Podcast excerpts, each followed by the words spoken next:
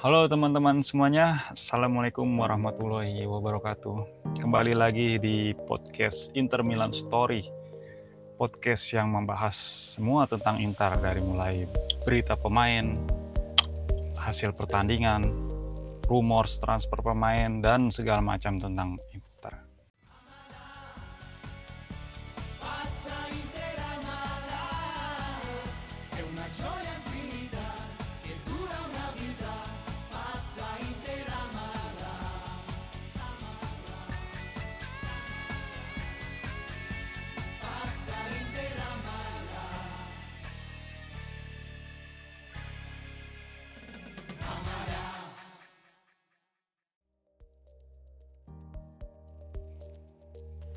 Dan kesempatan kali ini saya ditemani sama Mas Arif Wido.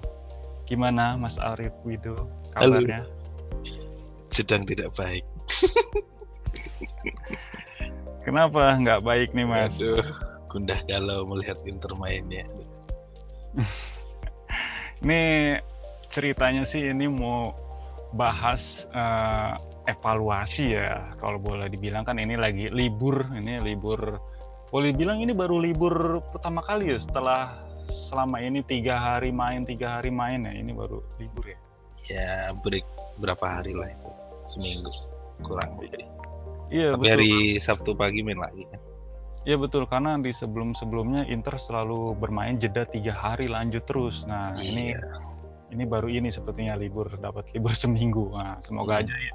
Semoga aja para pemain bisa fit kan dan kembali ke bentuk permainan terbaiknya. Ini kita evaluasi, hmm. kita flashback dulu nih kan. Uh, Inter sebelumnya uh, kalah di derby, terus juga tertahan melawan Napoli, terus juga uh, kalah oleh Liverpool dan terakhir kalah sama Sassuolo di kandang sendiri uh, ini merupakan rentetan buruk ya boleh dibilang nih. Ini cukup cukup mengkhawatirkan bagi para fans Inter nih. Dari Mas Arif Wido sendiri gimana nih tanggapannya nih? Kalau dari tanggapan saya ya ini semua dimulai dari derby ya kalau saya boleh bilang. Ya dari apa international break langsung main derby ya kalah. Duh kalahnya juga se apa ya kalau saya lihat ya Simone Inzaghi waktu lawan Milan kan terlalu menganggap remeh. Masih menselisih satu gol beberapa pemain langsung dikeluarkan. Dan terbukti setelah itu berujung dua gol cepat dari Giroud ya. Ah. Ya, ya betul. Dan sebenarnya ini juga Injagi mengulangi kesalahannya lagi. Sebelumnya juga setahu saya pernah di laga melawan Lazio kalau nggak salah. Jadi hmm. jadi situ, situasinya itu terlalu cepat menarik pemain yang sebenarnya masih dalam kondisi yang bagus gitu kan. Iya. Tapi uh, balik lagi dia terlalu menganggap remeh dan istilahnya saya bilang ya satu terlalu ng nganggap remeh dengan masih sisi masih satu satu gol ya. Dan dia pikiran dia mungkin sudah ke partai Copa lawan Roma. Hmm, betul. Sepertinya seperti itu. Jadi apa ya kalau boleh dibilang? Ya itu salah satu faktor mental ya. Mental di mana Inter uh, agak terganggu. Walaupun di Copa menang 2-0 dan seri lawan Napoli boleh dibilang ya tidak buruk-buruk buruk-buruk banget ya. Hmm, justru Dan, ya justru sebenarnya uh, ibaratnya oke okay lah kalah di derby tapi akhirnya Injagi menunjukkan bisa mengalahkan Roma dan lucunya juga uh, saya mengamati di situ Injagi sepertinya uh, trauma ataupun menyadari kesalahannya. Dia nggak nggak mengganti lagi pemain di menit 60-an ya itu bisa dilihat di lawan Napoli dan lawan Liverpool ya di mana hampir hampir main 75 menit sampai 75 menit lah dia baru berganti pemain. Dan lawan Liverpool Liverpool pun habis uh, kecolongan dua gol udah baru udah ya udah pasrah mengganti siapa? Masukin Vidal tuh sama siapa itu? Vecino ya Masa. Apa Oke, kita, kita kita bahas ke yang match Napoli dulu kan tadi derby udah lah oke lah. Mungkin indikasinya karena pergantian pemain. Ini hmm. di match Napoli menurut Mas Wido nih apa nih yang kendalanya? Kenapa bisa jadi imbang? Ya berimbang kalau saya bilang ya berimbang kekuatan juga sih boleh dibilang. Nggak terlalu semua sama-sama ya. Si Napoli juga ada peluang juga Inter juga ada peluang ya balik lagi. Eh, penyakitnya Inter tetap adalah di buang-buang peluang itu yang masih sampai sekarang gitu. Masih belum bisa. Ya dan ya waktu laga melawan Napoli kalau saya melihat juga Inter kayak nggak ada semangatnya juga untuk menang gitu. Terlalu banyak memainkan bola di belakang, hanya putar-putar antar back pass antara kiper ke back, putar lagi ke belakang. Itu sepertinya tuh memang Inter ketakutan karena yang terjadi ketika bola mengalir ke tengah lalu ke depan itu otomatis kehilangan dan berhasil direbut pemain lawan. Betul dari segi dari segi sisi pemain Inter juga kemungkinan ya masih terkuras sih di dua dua match uh, Milan sama Roma ya. Di mana Inzaghi nggak nggak sepenuhnya apalagi di lawan Roma kan nggak sepenuhnya, nggak sepenuhnya rotasi kan. Ya dia masih mainin Barella masih mainin Lautaro. Ya. Zeko yang dia iya, terus. Masih. Zeko kan berapa itu? Empat match berturut-turut kan main full. Ya betul ya sangat disayangkan itu apakah emang Zeko nggak bisa digantikan posisinya dengan Lautaro dengan apa ya dengan segi umur dan fisiknya lebih lebih muda lah itu kasihan ngeliat Zeko selalu turun ke bawah ngambil bola hold bola itu kan harusnya kan dikerjakan oleh Lukaku dulu Iya, yang eh, seharusnya juga yang muda melayani yang tua. saya sih melihatnya itu tapi dengan dengan enaknya kayaknya kayak kayak Lautaro tuh kayak cuek aja nggak peduli gitu kan. Pokoknya saya pengen nunggunya di depan gawang tinggal nyontek bola aja. Pengennya begitu Lautaro tuh. Nggak melihat gimana perjuangan Jeko wah luar biasa Jeko gitu kan. Agak apa ya itu nggak bisa di nggak bisa dijudge langsung dengan Lautaro uh, seenggaknya egonya seperti itu. Enggak sepertinya emang dari taktikal eh, apa taktik si Simone aja. Lebih ke arah beda kan dengan Lautaro yang dulu dengan uh, boleh dibilang pressing ya. Selalu pressing bola di atas. Nah ini yang agak kurang di era Inzaghi di mana pressingnya itu nggak apa ya nggak nggak seketat yang dulu pas pada saat Conte. Di mana bola udah lep, uh, udah lepas di depan ya Lautaro sama Lukaku harus ngepres seperti ya. itu setuju setuju jadi pertandingan uh, Napoli uh, lawan Derby Milan juga itu salah satu faktornya ya karena lini depan ya sering membuang-buang peluang juga. Betul. Apalagi ditambah waktu laga melawan Liverpool. Nah, itu puncak banget ya anti klimaks ya. Aduh, membuang... itu anti klimaks dan apa ya? Dan poin penting satu lagi ya kita benar-benar butuh pengganti Handa itu butuh banget pengganti kiper. Kiper ya benar-benar itu Liverpool tuh cuma mencatatkan dua shoot on goal dan dua-duanya masuk ke gawang. ya betul dah. Sekarang permasalahannya tuh oke okay, kita coba mengulas di gol dua gol Liverpool ya. Gimana pada saat gol pertama itu yang apa heading heading Firmino Firmino ya yang yeah. di yang jauh itu nggak ada nggak ada orang. Hmm. Di mana seharusnya seorang kiper kan dia harusnya minta. Oke ya minta. bisa. ada yang jaga.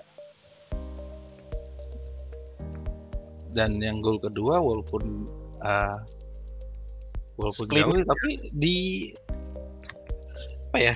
Bola liar sebenarnya bola, bola liar, liar. tapi seenggaknya dia posisinya nggak nggak terlalu minggir juga lah. Coba hmm. bedakan dengan kiper si Alisson. Berapa kali kita uh, hampir golin tapi dengan positioning yang tepat si Alisson kan aman-aman aja dibantu dengan selain backnya Van Dijk dan siapa itu si Konate Konate dan DM-nya siapa tuh namanya? Ada Fabinho, ada Thiago. Fabinho ya. Iya. Itu kan yeah. Lautaro kayak ketakutan tuh lawan mereka. Gak berani duel satu lawan satu. ya memang begitu kualitasnya ya nggak sanggup juga melihat fisik yang tinggi besar Van Dijk dan Konate itu kan. Sulit juga kalau berduel fisik bu. Mungkin iya. walaupun misalnya seorang Lukaku juga belum tentu juga bisa menghadapi fisik yang tinggi besar seperti itu. Ya tapi ya, seenggaknya untuk berusaha itu nggak ada gitu loh. Ah betul. Kalau kalau untuk arah usahanya itu usaha harusnya, sedikit nah. apa gitu nggak ada gitu. Malah uh, Lautaro kebanyakan sekarang dikit-dikit kesenggol jatuh ya itu yang makin lama makin ngeselin gitu. dikit-dikit uh, jatuh minta penalti apa pula itu iya makanya itu yang cukup mengherankan padahal Lautaro itu adalah uh, striker andalan di timnas Argentina dan sering mencetak gol juga gitu kan. Tapi yang terjadi di Inter malah sebaliknya. Seperti kehilangan tajinya benar-benar. Kalau misalnya saya ambil contoh gitu kan di kubu uh, rival ada di Milan tuh. Uh, Brahim Diaz, kita tahu kan Brahim Diaz itu hmm. badan badannya kecil. Tapi ketika dia membawa bola ataupun pressing lawan, dia ngotot jarang jatuh juga kalau memang benar-benar body ball jatuh ya dia pasti jatuh tapi kalau secara usahanya secara effortnya itu dia benar-benar ngotot kecil juga gitu ya mesti pembelajaran taktik juga sih dari si Inzaghi juga gimana antara komposisi dua orang ini Zico sama Lautaro itu kayak nggak nggak sinkron gitu tapi di ya? awal-awal di awal-awal ini memang duet yang terbaik ya, dibandingkan Betul. dibandingkan Jeko Sanchez Lautaro Jeko lebih masuk akal. Iya, tapi kenapa sekarang lebih banyak malah Zeko yang jadi tumpuan gitu loh dibandingkan dengan Lautaro. Si Zeko walaupun udah capek-capek dia seenggaknya masih mau sprint dikit lah. Walaupun hmm. akhirnya gatot juga saya rasa juga ini karena pengaruh dari lini tengah juga. Lini tengah selama ini kalau melihat alur serangan itu lebih banyak dari sisi kiri yaitu Ivan Perisic. Nah, ya, sedangkan ya, sedangkan kalau di, kalau di sisi kanan melihat Dumfries, Dumfries itu cuma bisa mengandalkan sprint tanpa bola atau mencari. Tapi dia nggak berani dribble bola ataupun berusaha melewati itu nggak ada. Dia lebih main aman back pass itu sih yang ya, ya mungkin dari segi penguasaan bola yang kurang dari Perisic kali ya. Hmm, kalau kok kalau ya? Perisic kan Perisic kan bisa dribble, bisa sedikit kocek-kocek juga, satu dua sentuhan langsung crossing. Kalau Dumfries benar-benar nggak ada hal-hal kayak gitu. Mungkin itu sih kurangnya juga dari lini tengah. Betul itu juga. Dumfries kan benar-benar pure wingback ya. Walaupun kita jangan uh, ngelihat lagi ke belakang Hakimi seperti apa mainnya kan ya udahlah itu itu sesuatu yang harus dilupakan. Walaupun benar-benar kita kehilangan seorang Hakimi di kanan seperti itu. Iya, ekspektasinya harapannya seperti Hakimi yang terjadi ya ala kadarnya seperti itu. Soso jadinya. Kadang Dar bagus, Darmian Darmian juga begitu sama nggak bagus nggak jelek sedang-sedang aja ya kalau bilang ya wingback yang paling paling eksplosif ya cuman kita punya Peris ya, yang di mana dia dulunya winger gitu. Dan yang lainnya benar-benar cuman wingback seorang fullback lah. Boleh dibilang kalau Dumfries kan di kalau di Belanda kan sering fullback ya betul. Dan kalau saya sih cukup menyoroti sering kali Injagi memasang Di Marco di posisi back kiri luar ya. itu itu ya memang sih nggak ada pilihan lagi ya tersisa mungkin Kolarov Kolarov ya beresiko juga ya tapi mau gimana lagi dia sering terlalu maju jauh sehingga melupakan bertahan insting wingbacknya dia lah Ya, itu karena memang karakter dia seperti itu, ya iya. nggak nggak bisa disalahkan juga. Ya, gimana ya? Tapi kemarin kelihatan banget itu dengan apa pas ini ngebahas udah ke Sassuolo belum? Apa kita masih ngebahas itu? Ya bahas yang Liverpool. Oh Liverpool. Ya kalau Liverpool kan benar-benar 70 menit kan bagus kita. Seenggaknya kita bisa apa ya? Berani lah, berani benar-benar ngimbangin lah, ngimbangin permainan si Klopp itu dengan kecolongan dua ya dua momen itulah. Yang iya, saya bilang ya kalau dibilang ya benar-benar di momen itu ya uh, satu faktor kiper ya kita nggak nggak bisa dipungkiri. Kedua faktor uh, clinical striker benar-benar nggak nggak bisa diharapkan gitu pas pada saat sampai di Sassuolo ini ah hopeless gitu ya betul Gimana gitu Betul setuju Kalau... waktu waktu melawan Liverpool eh, poinnya itu karena kiper yang kurang bagus, eh, kurang refleksnya kurang baik. Yang kedua karena masalah finishing dan itu juga iya. sudah sudah banyak sih orang juga sudah mengetahui gitu kan beberapa kali Inter banyak peluang sebenarnya yang terjadi tapi membuang-buang peluang. Artinya kalau kalau saja gitu kan lini depan mungkin gitu kan misalnya Korea bisa bermain itu. Apakah mungkin bisa jadi salah satu pemecah kebuntuan kalau menurut Mas itu mungkin bisa pemecah kebuntuan ya dengan salah satu mungkin dia sering sprint tapi kayaknya nggak bukan terlalu dia bukan tipe speedster juga deh. Hanya jago di dribbling ya dribbling agak sprint dikit gitu. Kita melihat boleh dilihat itu dan satu lagi faktor ya ini faktor Kaisedo buat apa gitu bener padahal itu permintaan khusus Injagi loh tapi nggak dimainkan gitu. Betul. Jadi fans tuh pengen tahu kayak apa ini Kasedo lebih baik uh, melihat Kasedo gitu kan daripada Lautaro yang terus-terusan begitu kan. Iya, jadi kemarin yang kan udah mentok tuh, udah mentok di menit 70-an udah mentok si Lautaro. Apalagi habis tap in gagal, tap in semeter dua meter aja gagal hmm. tap in bola seperti itu. Dan Zeko juga nggak bisa nendang uh, first first time kan kok ke kolong ya kalau nggak salah. Ya lalu Alexis Sanchez juga nggak ada nggak kelihatan juga permainannya seperti hilang. Agak apa ya kalau bilang bilang ya Sassuolo ya mimpi buruk di babak pertama dengan ya jelas-jelas mainin Gagliardini ini dengan Di Marco ini kalau boleh dibilang itu. Dan satu lagi faktor juga balik lagi faktor kiper juga gitu. Di mana gol gol pertama dari Raspadori itu kan eh, masuknya ke kiper juga masuk ke badan dia lah istilahnya. Ke area dia gitu. Hmm.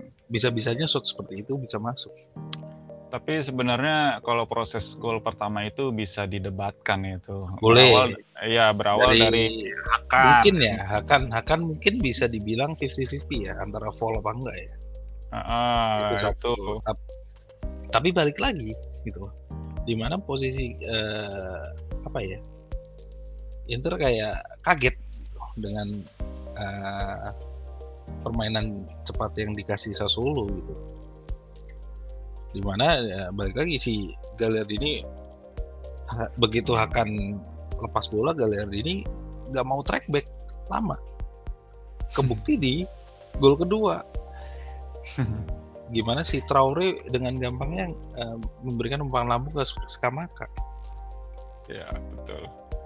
Uh, perlu diketahui juga di laga Inter lawan Sassuolo itu merupakan uh, tanpa Brojovic ya pertama kali yeah. sepertinya dan, dan dan di situ bisa terlihat lah kita bisa menilai bagaimana seorang Brojovic itu perannya sangat penting sekali dalam permainan Inter. Yeah. Barella yang yang sejauh ini tampil bagus dipaksakan di posisi regista ternyata nggak bisa juga ya nggak maksimal. Barella bukan tipikal bertahan seperti Brozovic yang yang dia aware aware sekitarnya ya seperti hmm. itu. Yang cuman ya, musim lalu kita bisa melihat yang yang bisa yang digantiin dari Conte untuk Brozovic adalah si Erikson. Betul. Di mana dia si Erikson diminta untuk uh, belajar bagaimana menjadi uh, the playmaker gitu. Betul. Dengan yang boleh dibilang ya skill awarenessnya sama-sama seperti Brozovic seperti itu. dan di di sini kelihatan banget uh, filternya tidak ada dan tidak si Barella tidak memberi ketenangan di belakang seperti itu. Ya justru lalu terburu-buru membagi bola.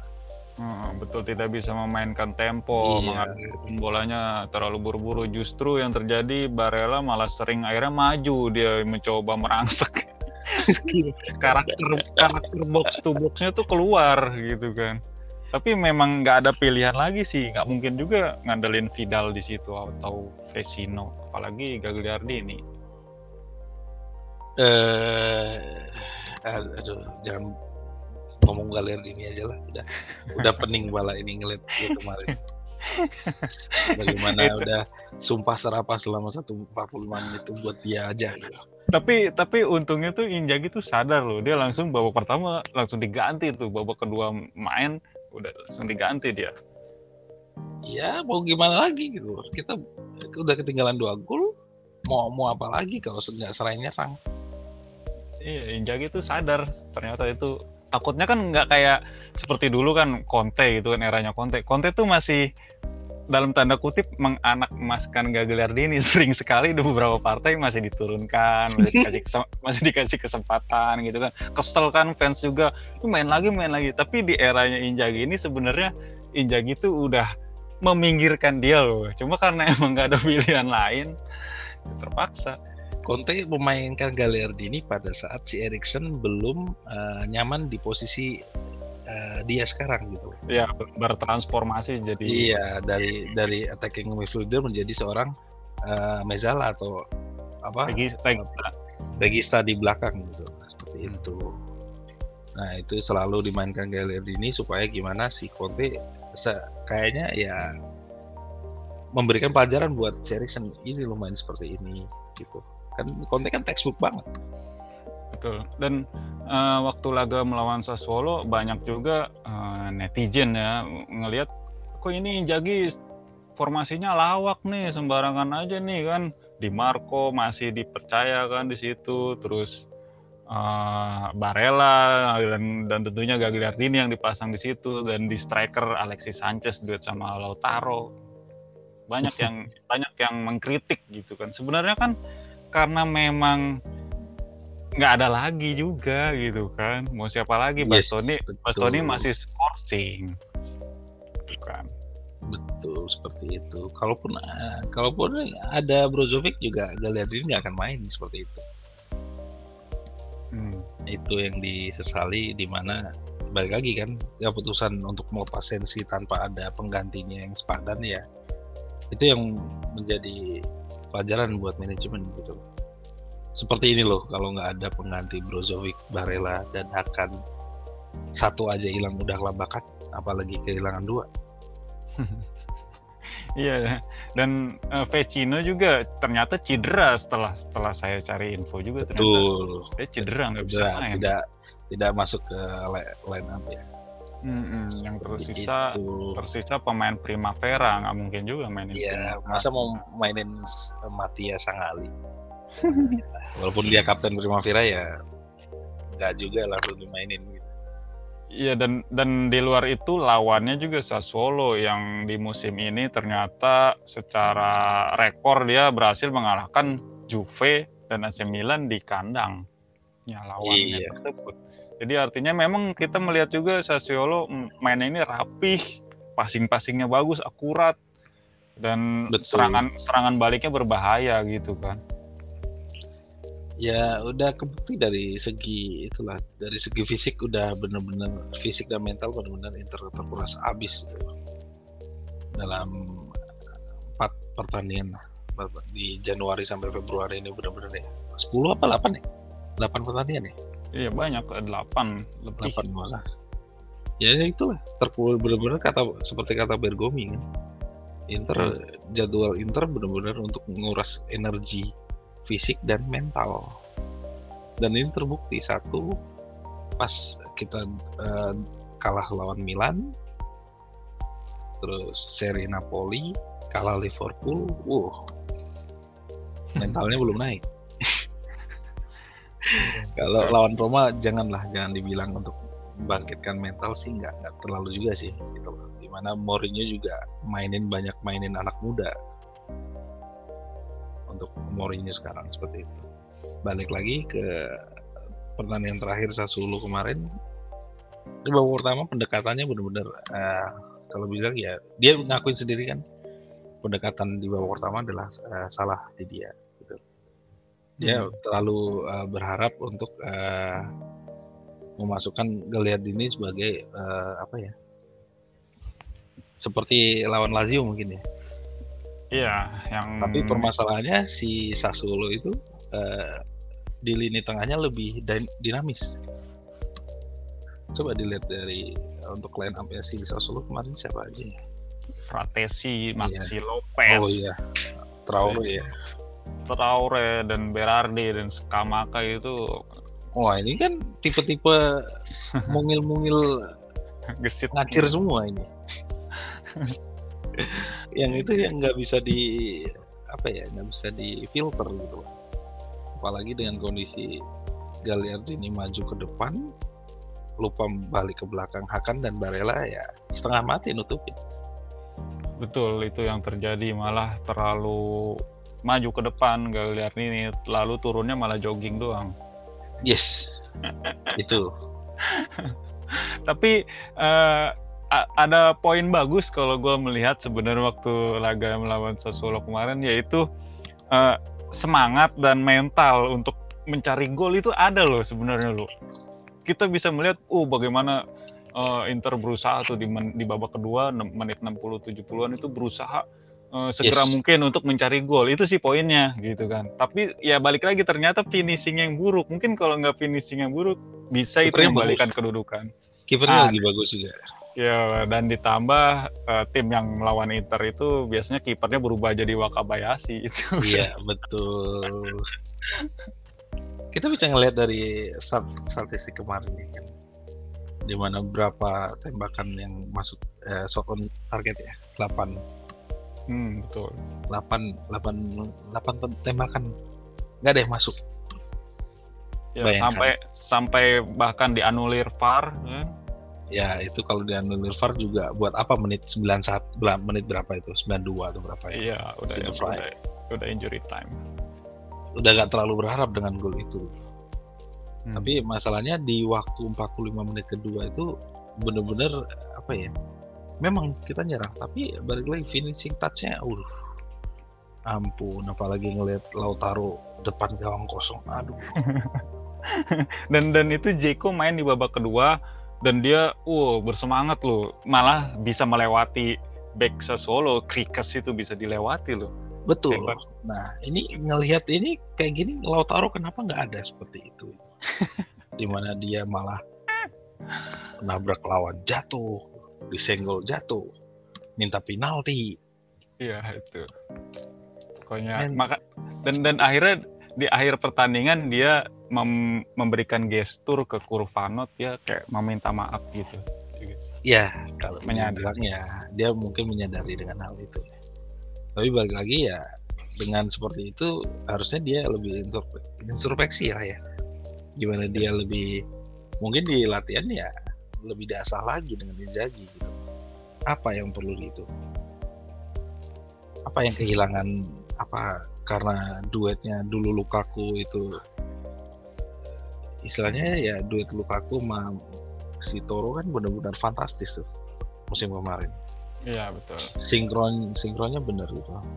Apa karena Lukaku dengan uh, si Toro itu benar-benar teman di dalam lapangan dan di luar lapangan itu bisa menjadi salah satu faktor ya. Ya bisa juga.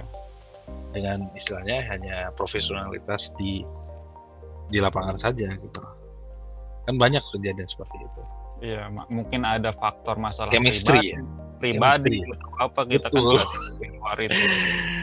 Tapi ya sebagai seorang profesional ya harusnya tetap harus menjaga itu dong. Ya, sebagai striker ya gimana caranya harus mengasah kemampuan untuk mencetak gol gitu. Iya, karena udah lama juga nggak ngelihat Lautaro sama Jeko ini berpelukan. udah lama takutnya kan ada selek masalah apa gitu kan nggak tahu juga gitu gitu. Ini sambil menunggu Korea sembuh ini lama juga Korea yang dinanti-nanti dan Kaisedo juga nggak main-main kan. Eh, uh, kemarin saya malah mengharapin Kaisedo itu main main di 10 menit terakhir lah gitu. Iya. Ya seenggaknya udah 2-0 mau diapain lagi gitu. Kalau enggak ya bener-bener si Inzaghi bener-bener full attack gitu. Ganti tengahnya lagi. Tengahnya ya sekarang udah, udah 0 mau mau 2-0 3-0 sama aja dong tengahnya udah nggak ada lagi di Marco juga udah maksimal banget itu dia bayangin naik turun naik turun uh banyak banyak orang yang mengkritik mencomot oh ngapain sih di Marco di back tapi ngelihat dia semangatnya wah maju sampai ke depan bantu nyerang terus turun lagi sebenarnya wah itu capek banget itu loh betul gitu daya jelajah paling jauh mungkin di Marco di pertandingan kemarin lawan Sassuolo tuh hmm, belum tahu ya belum tahu statistiknya mana untuk uh, daya iya. jelajah ya dan balik lagi benar uh, si manajemen Inter ya harus uh, mikirkan siapa enggak untuk pelapis si Brozovic ini sekarang. Seperti ya itu itu, itu makanya itu penting. PR ya. Ya makanya rumorsnya sih Brozovic juga sudah mendatang menandatangani kontrak baru dia sudah setuju hmm. dengan perpanjangan kontrak rumornya. Semoga aja segera resmi kan karena dia memang benar-benar menjadi roh permainan Inter nggak ada dia itu kelihatan banget nah gitu.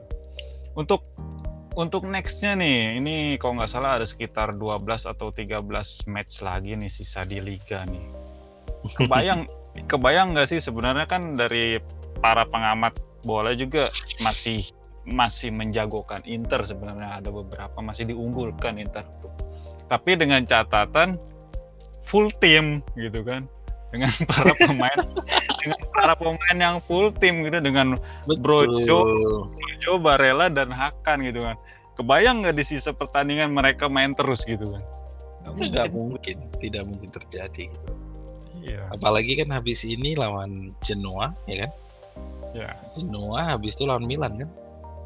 Ya betul di Copa lawan Milan. Copa lawan Milan, habis itu lawan Salernitana depannya Liverpool lagi wow empat pertandingan lagi iya itu jeda tiga oh. hari itu ini kemungkinan kan dirotasi di Saler lawan Salernitana ini ini jangan-jangan ntar seperti Milan lagi kan Salernitana Salernitana lawan Milan ya biasanya di penghujung-penghujung musim gini kan uh, banyak tim-tim yang degradasi atau papan bawah lagi berjuang keras juga jadi memberikan perlawanan sengit pasti Yes, betul. Dan ini yang jangan sampai apa ya terpleset lagi lah. Walaupun kita masih ada satu tabungan pertandingan melawan Bolonya ya. Ya Tapi betul. ya jangan diharap juga dengan permainan seperti ini bisa ngalahin Bolonya juga seperti Jadi misalkan kan nanti melawan uh, Genoa nih. Genoa artinya ini kan harus membuktikan dulu artinya ini pasti full tim nih dengan ya. Jeko Lautaro kita menantikan semoga aja bisa mencetak gol gitu kan. Yes. Tapi tapi di satu sisi harus merotasi pemain juga Injagi. Dengan pemain yang isinya pemain cadangan kayak gitu, aduh. Ya berarti pas, kita sekarang fans kan nikmatin saja gitu. Ya hmm. mau berbuat apa gitu. Berbuat apa lagi dengan istilahnya kemarin saja kita berani ngelepas sensi tapi nggak mendatangkan siapa pun di tengah. Iya betul itu agak dipertanyakan juga tapi memang Sensi ngotot banget pengen keluar dari Inter dia. Iya karena dia kan nggak nggak dapat uh, game uh, min, apa menit bermain dong. Ya seharusnya sih Injagi bisa ngasih pengertian ataupun dari manajemen bahwasanya ini loh squad ini nih kekurangan masih butuh kamu loh artinya gitu. Ya kan pengennya tetap first team dong. Oh iya, mungkin karena alasan itu dia pengen tampil iya. reguler ya, full itu. Apalagi kan mau Piala Dunia gitu. Walaupun dia anak emas Mancinian tapi tetap harus ada usaha dong. Hmm. Itu. Sedangkan salah itu. Ya, sedangkan pemain seperti Vecino, Vidal, Gagliardini ditanya gimana main sebagai pemain cadangan siap? Uh, mereka langsung serontak. Siap gitu ya. Itu siap, gaji gede. Fidal ngangkat kaki gaji gede.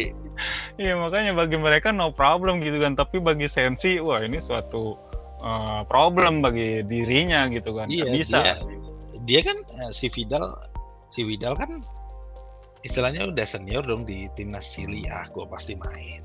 Tenang aja. Ya betul. Itu sedangkan si Sensi wih tengahnya si Italia kan serem-serem. Iya saingan banyak saingan. Saingan banyak. Kalau gue nggak main ya walaupun dipanggil kan tetap nggak dimainin dong. Tengahnya iya. tetap Ferrati Barella sama Jorginho atau siapa gitu. Ya kan Oke, oke, iya. Tadi juga balik lagi banyak yang mengkritik kiper ya Handanovic. Walaupun kita ya, kita rumor kita rumornya sudah fix mendatangkan Onana ya. Uh, tapi untuk musim depan musim ya. depan. Dan kalau melihat peluang yang ada nih yang terjadi, apakah mungkin nanti memainkan Radu atau Kordas? Kayaknya hopeless ngeliat itu. Secara level kualitas memang masih di bawah ya dari Handanovic jauh ya. Betul. Ya kalau ngelihat Radu kita ngelihat lah pas lawan apa ya Empoli kan? Empol Empoli ya betul. Ya kan? Ya kita bisa ngelihat tapi walaupun itu nggak bisa disalin juga karena baru satu pertandingan juga gitu dia main. Sedangkan anda dikasih per, semua full pertandingan gitu. Sedangkan agak apa ya agak kurang fair gitu. Di mana kemarin harusnya lawan Roma juga diberi kesempatan Ya, makanya dia ada sedikit statement kalau nggak salah dia kesal nggak yeah. dikasih menit bermain. Uh, ya tapi apakah mungkin? Tapi memang secara kualitas memang belum ya. Handa masih yang terbaik dari sisi build up serangan, passing dan ketenangan. Itu itu unggulnya dia di situ. Sekarang tapi gini. Sekarang untuk gini. refleks mungkin berkurang. Ya sekarang gini. Kita butuh butuh banget ya untuk suatu sweeper ya. Sweeper keeper itu. Sama keeper beneran. Pas dalam skema taktik sepak bola zaman sekarang itu dibutuhkan sih. Betul tapi uh, gimana kalau timnya timnya anda nggak bisa ngegolin tapi pas anda diserang anda ketar ketir dengan keeper anda sendiri. Kan nggak memberikan uh, kepercayaan pada tim gitu loh. Ini ya. Inter kan istilahnya depannya udah sekarat, kipernya jadi masalah. Walaupun Tapi, juga kita nggak nggak bisa menyalahkan pure Handanovic juga gitu. Udah umur dia udah udah dari 2000 uh, 2000 berapa tuh 13 ya ya kan udah paling tua senior sama Ranocchia kan Betul. Ya dia udah ngelewatin zaman zaman zaman jahiliyah kegelapan Inter. ya kan? Iya, betul. Dengan prime-nya Handa dia istilahnya ya dulu kan penyelamatannya banyak yang sekarang tinggal sisa-sisanya lah. Kita mungkin harus memaklumi tapi ya pada saat pertandingan penting ya itu saat krusial. Iya, karena memang cukup mengherankan juga Inter sebagai uh, tim juara Scudetto musim lalu tapi mempunyai pelapis kiper yang sangat jauh sekali berbeda kualitasnya dibanding dengan rival kan? Itu nggak beda jauh lah 11-12 di Napoli ada eh, Os Ospina Meret. Di Juve ada Sesni sama Perin kan? Iya tapi di Inter jauh.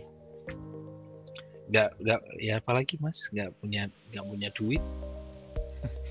Mau apa banyak orang habis, ya. Iya banyak juga orang berpendapat kan bilang wah Inter dari segi kedalaman squad bagus. Padahal bagus. kalau secara detail lagi dilihat bagus apanya gitu kan. Back aja cuma mengandalkan trio back itu.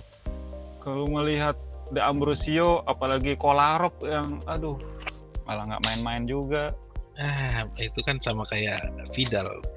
Nggak apa-apa mah gabut lah gaji gede. Sama kayak Sanchez, Vidal, Kolarov. Aduh, tuh spending gajinya kan terbesar di situ. Aduh dengan kualitas cadangan. Uh, untuk untuk di liga nih gimana nextnya nih? Masih masih bisa nggak nih kira-kira nih? Optimis lah tetap di atas minimal nih. Tetap uh, uh, untuk kita ngelihat respon di lawan Genoa ini ya, ya. gimana si Inzaghi naruh kepercayaan di timnya gimana motivasinya gimana. Dan sekali lagi untuk problem di kita adalah di uh, finishing ya. Itu yes. benar-benar yang harus dicari gimana itu caranya. Saya tidak ngelihat uh, nggak ngelihat gimana uh, ada long shot lagi ya dari dari luar ya karena ya, betul. kayaknya tim-tim lawan udah udah mengetahui gitu loh di mana Barella dan Hakan tuh bisa bisa memberikan sesuatu hal yang di luar gitu di luar kotak penalti. Makanya uh, kelihatan kemarin Sassuolo juga nutup banget di area tengah. Makanya uh, walaupun taktik Jagi dia selalu main di sisi sayap tapi Hakan kemarin kayaknya nggak nggak kelihatan, nggak kelihatan diberi kebebasan di tengah gitu loh. Walaupun benar-benar kemarin si Sassuolo babak kedua benar-benar uh, low block ya. Di bawah yeah. benar main di bawah ya. Iya tertekan deh tapi benar-benar nggak ada.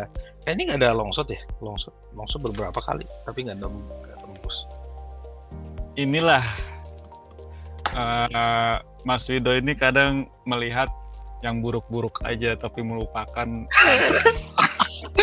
Eh, gimana nggak nggak buruk gitu gimana satu satu 45 menit babak pertama itu apa ya entah itu chatting di mana itu di grup lah pas nonton lah itu benar-benar sumpah serapah semua keluar enggak mas mas Vida ini lupa sebenarnya di babak pertama ada shoot tendangan yang sangat keras sekali mendelusur tanah tuh uh tapi sayang masih diblok sama Consigli oh Iya kan siapa lagi kalau bukan dari Gagliardini. Wih. Oh iya maaf ya. itu terlupakan. Wah, itu satu-satunya shoot dari luar kotak penalti dan itu udah sangat kencang banget itu sebenarnya. Oh iya iya iya. Maaf ternyata Wah. saya lupa dengan ya, jangan itu ya. Iya, jangan ngelihat yang jelek-jeleknya aja, ada satu Tapi, positif. Satu positif dengan beberapa kali negatif itu jadi ya negatif. ternyata kelupaan itu maaf, maaf. iya iya ya paham paham ya karena ya, memang karena memang uh, rapat juga dan kita tahu kalau hak sedikit saja akan dikasih ruang tembak pasti akan sangat berbahaya sekali dan yes. lawan juga pasti akan menutup. Gitu sih mas. Jadi masih harapannya masih bisa lah ya untuk bertahan di top nih Serie A nih. Masih. Seenggaknya kalau emang ini lawan Genoa oke, okay, kita menang dan mungkin ngarepin uh, kakak tiri tercinta terpleset lagi tapi nggak mungkin dua kali sih terpleset itu. Ya, emang ya, jadi apa ya? Kemarin sebenarnya pas pada saat imbang Milan lawan kesalahan imbang tuh kan ada harapan nih. Hmm, betul. Kita nggak ngelihat uh, ada tabungan satu satu pertandingan tapi ngelihat sekarang aja gitu loh percuma aja kita mempunyai satu tabungan tapi kondisi mental kita lemah ya betul buat apa gitu nah jatuh-jatuhnya nanti terakhir ya kepleset lagi gitu loh ya, malah makanya... ujung-ujungnya tertekan betul betul ini masalah mental ketika betul. tim terus terus terusan dilanda kekalahan demi kekalahan ataupun hasil buruk itu akan sedikit uh, membuat para pemain down gitu ya. Betul gitu. Dan ini uh, kita balik lagi harus menemukan gimana uh, kita harus uh, si Inter finishingnya harus diperbaiki lagi. Bu. Kita boleh dilihat adalah kita benar-benar tim yang paling subur ya. Hmm, Dengan jumlah 55 gol gitu. Tapi hal ini bertolak belakang dalam beberapa pertandingan terakhir. Oke, baik. Uh, jadi kesimpulannya adalah semoga saja Inter bisa memperbaiki masalah finishing di lini depan dan itu yes. harus dilihat nanti di pertandingan berikutnya melawan Jena. Hmm. Oke, okay, saya rasa gitu aja nih cukup nih. Udah Siap. banyak bahas nih. Makasih banyak Mas Wido atas waktu Siap, dan kesempatan. Okay. Mudah-mudahan kita bisa ngobrol-ngobrol lagi di pertandingan berikutnya ya Mas ya. Oke siap semoga kita mendapatkan tren kemenangan kembali.